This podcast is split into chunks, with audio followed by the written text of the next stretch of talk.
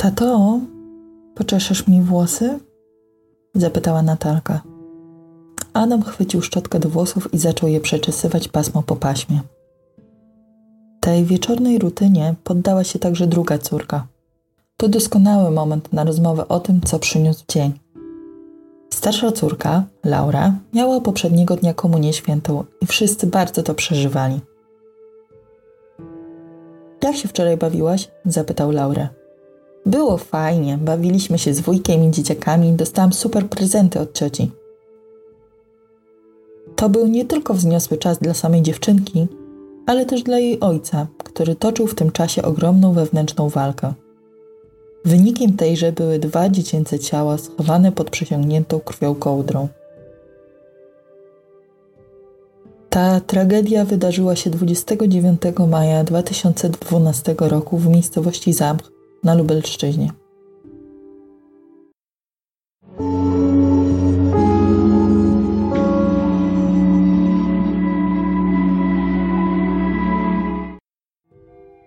Małgorzata wyjęła pranie i z koszem opartym o biodra ruszyła w stronę strychu. To właśnie tam, rozwieszając pranie, przyszła jej do głowy sentymentalna myśl. Kiedyś pranie wieszała z Adamem, przekomarzając się przy tym i rozmawiając na jakieś bieżące tematy. Od dłuższego czasu jednak ich związek istnieje tylko na papierze. Od lat żyją obok siebie, trzymają ich ze sobą tylko dzieci. Są dla siebie jak obcy ludzie. A teraz, gdy ma jeszcze kilkumiesięczne niemowlę, a mąż bez przerwy wyjeżdża, jest to jeszcze bardziej odczuwalne. Nawet nie zauważyła, jak kontakt z bliskim znajomym przerodził się w regularne spotkania i romans. Jego owocem była kilkumiesięczna dziewczynka, Maja, która właśnie drzemała w foteliku. Postanowiła, że zawiadomi męża o złożeniu papierów rozwodowych po jego powrocie z Niemiec. Czekała na moment, gdy będą sami i będą mogli omówić szczegóły opieki nad dziećmi. Małgorzata i Adam byli małżeństwem od kilku lat. Wiedli spokojne życie na lubelskiej wsi. Dorabiali się na uprawie tytoniu. Aby podreperować domowy budżet, Adam wyjeżdżał do Niemiec, gdzie dorabiał jako pracownik fizyczny. Te podwójne przychody sprawiły, że udało im się w krótkim czasie postawić dom. Zawsze o takim marzyli.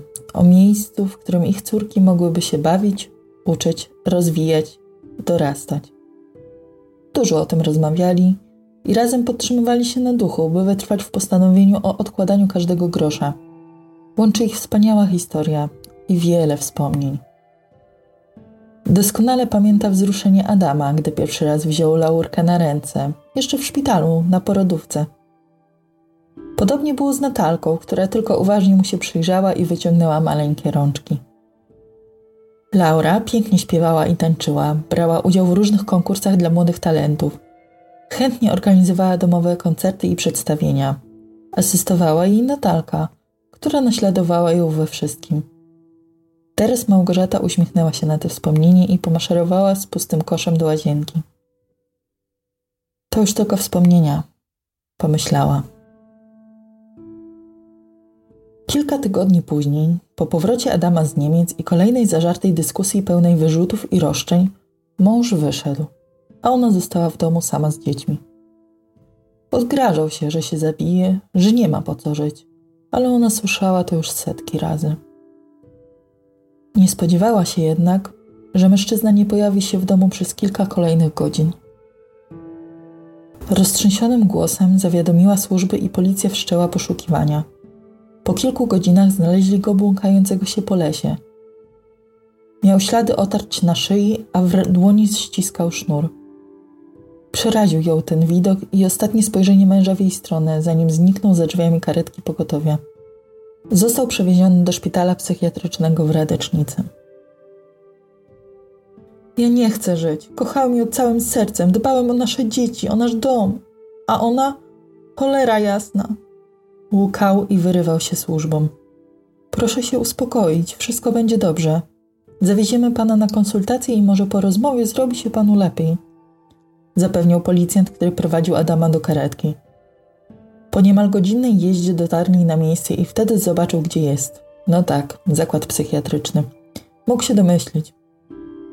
Lekarz już na niego czekał, uzupełni dane personalne nowego pacjenta i spokojnym tonem zapytał: Co się stało, panie Adamie? Gośka mnie zdradziła. Najmłodsze dziecko nawet nie jest moje. Skąd takie przypuszczenia? Robiłem testy na ojcostwo. Ta się puszczała, a ja ciężko pracowałem w Niemczech, żeby ją utrzymać. Jeszcze mi wmawia, że to moja wina, bo mnie nigdy nie było. No jak miałem być? Ktoś musiał na to wszystko pracować. Panie Adamie, ta sytuacja jest trudna. Zgadza się. Powinien jednak pan zachować przytomność. To, co chciał pan zrobić, nie pomoże rozwiązać żadnych pańskich problemów. Ma pan dzieci, nie może pan przez nieporozumienia z małżonką odtrącać ich. Nie odtrącam. Jakie zachowanie żony wzburzyło pana dzisiaj, zanim wyszedł pan z domu? zapytał doktor. Ta rozmowa trwała jeszcze kilkadziesiąt minut. Zakończyła się wyznaczeniem kolejnej, już na zajutrz. Małgorzata martwiła się, ale miała nadzieję, że ta sytuacja zdarzyła się pierwszy i ostatni raz. Była wręcz krzykiem o pomoc, uwagę i miłość. Po kilku dniach obserwacji i wdrożenia leczenia farmakologicznego wypuszczono go do domu, przepisując kilka opakowań leków. Po powrocie męża do domu sytuacja nieco się uspokoiła. Małgorzata obiecała sobie nie powracać do drażliwego tematu przez kilka tygodni, aż Adam poczuje się dostatecznie dobrze. Do powtórnej rozmowy o rozstaniu doszło na kilka tygodni przed komunią Laury. Małgorzata stanowczo oświadczyła, że to koniec. Nasze małżeństwo nie istnieje, całymi tygodniami cię nie ma. Zostajesz sama z dziećmi, które muszę przygotować do szkoły, odrobić z nimi lekcje, posprzątać w domu. W ogóle nie mogę na ciebie już liczyć. Ale na tamtego to masz czas, na randki, wycieczki. Nie mów mi, że jesteś taka zapracowana i bezradna, przecież widzę, co się dzieje. Podsunął jej kopertę. Co to jest? Zapytała. Wyniki badań DNA. To nie jest moja córka. Myślałeś, że się nie dowiem? Adam nie wytrzymał i wykrzyczał. Nie pozwolę na to, by moje dzieci wychowywał inny facet, po moim trupie. Te słowa podobno padały z jego strony nawet w towarzystwie sąsiadów czy znajomych. Widząc, że mężczyzna znowu się wewnętrznie gotuje, Małgorzata odpuściła temat. Spakowała walizki dziewczynek, wzięła fotelik z ośmiomiesięcznym niemowlakiem i pojechała do Zamościa. Nie chciała widzieć męża, nie chciała, żeby on ją widział, ale wiedziała, jak ważna dla Laury jest jej obecność podczas ceremonii Komunii Świętej. Przyjechała z trzema dziewczynkami do zamku, pomogła najstarszej zakręcić włosy i ubrać w albę. Pomogła też upiąć włosy na talce. Razem, w pięć osób i z kroczącymi za nimi dziadkami, poszli na mszę świętą. Ta niesamowita, doniosła chwila była przeżyciem dla wszystkich dzieci, tym także dla Laury i jej rodziny. Małgorzata przyglądała się, jak z oddali wyłania się uśmiechnięta buzia, otoczona pięknymi falami, na których spoczywał wianek. Białe kwiatki, symbol czystości i niewinności, skąpane były w zielonych listkach. Podczas późniejszego przyjęcia komunijnego Małgorzata unikała męża, gasiła wszelkie dyskusje z podtekstem i czuwała nad dobrą atmosferą. Udało się zachować twarz i do samego końca kulturalnie i z uśmiechem przyjmować gości, zabawiać dzieci i znosić toasty. Jak tylko impreza się skończyła, opuściła dom i wróciła do kochanka, zostawiając starsze dziewczynki pod opieką ojca. Halo? zapytała Małgorzata, szybko dobiegając do telefonu. Odpowiedziała jej cisza. Halo? powtórzyła. Usiądź, odpowiedział po dłuższym milczeniu szwagier. Adam zamordował dziewczynki. Jest tutaj policja i prokurator. Adam patrzył bezmyślnie przed siebie, wsłuchiwał się w słowa księdza i płakał. Piękne słowa o wybaczaniu, nauce człowieczeństwa, wzajemnej trosce i opiece wywołały u niego wzruszenie. Te kontrastujące słowo Boże nijak się miało do jego planów. Wiedział, że dłużej już nie wytrzyma. Tego wieczoru szala się przechyliła, tak jak kolejne kieliszki wychylanej wódki. Po ósmym łyku stracił rachubę. Tylko alkohol pomagał mu na chwilę, ale nie zauważał, że równocześnie wyzwala w nim złą motywację, agresję i chęć zemsty za wszelką cenę. Był zdeterminowany. Chwycił siekierę i kilkunastoma ciosami ostrą krawędzią poćwiartował twarze swoich córek. Porąbane zwłoki Laury i Natalki zaniósł do łóżka i przykrył kołdrą, a sam zszedł na dół. Dopiero po chwili dotarło do niego, że to już nie tylko jest, są jego wyobrażenia, ale rzeczywistość. Rzeź, której nie udało się zapobiec. Co ja zrobiłem? Nie, proszę, nie! Powtarzał raz po raz. Ręce mu drżały, a myśli goniły w nieznane. Laura, Natalka, nie chciałem, nie chciałem, ale ona nie dała mi wyboru. Zostawiła mnie. Co ja zrobiłem? Łukał, klęcząc przy łóżku. Co ja zrobiłem? Na litość boską. Wstał i zaczął krzątać się po mieszkaniu, chodząc w kółko. Szybko wydarł kartkę z zeszytu i napisał list do Małgorzaty. Podciął sobie żyły, ale to nie poskutkowało. Nie chcę żyć, niech to się skończy. Co ja narobiłem?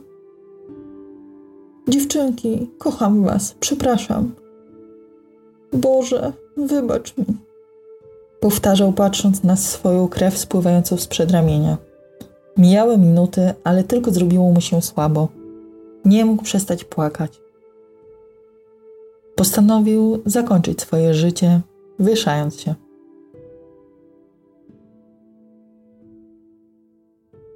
Jego ciało odkrył nazajutrz jego brat, który wpadł z wizytą do rodziny.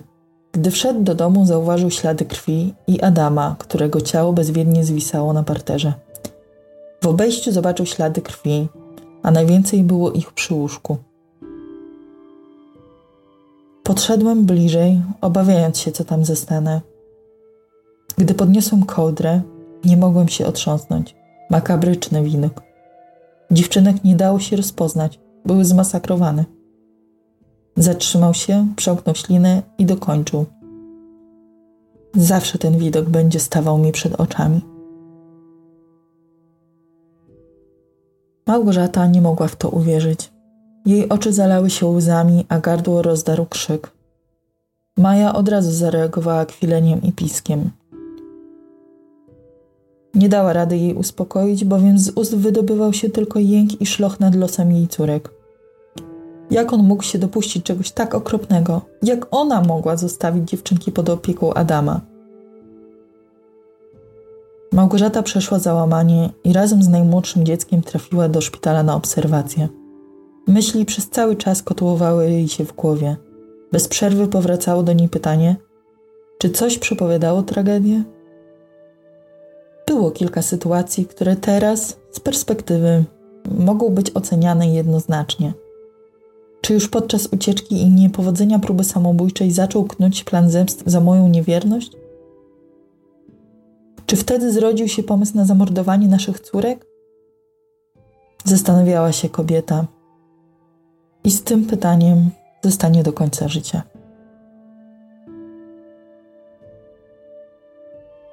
Któż z nas nie marzy o własnym domu z ogródkiem, szczęśliwym życiu i zrealizowaniu marzeń z drugą osobą, z rodziną? Z pewnością te marzenie podzielali bohaterowie dzisiejszej historii.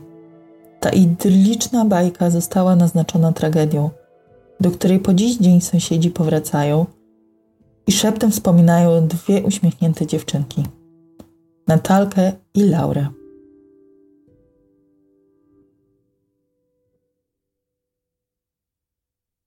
Dziękuję za wysłuchanie dzisiejszej historii. Nie ukrywam, że bardzo mnie poruszyła i po przeczytaniu jej miałam ciarki na całym ciele. Jeżeli podobała Wam się fabularna wersja podcastu kryminalnego, to dajcie znać, jakie inne historie mogłabym opowiedzieć w ten sposób. Miłego dnia, wieczoru lub nocy.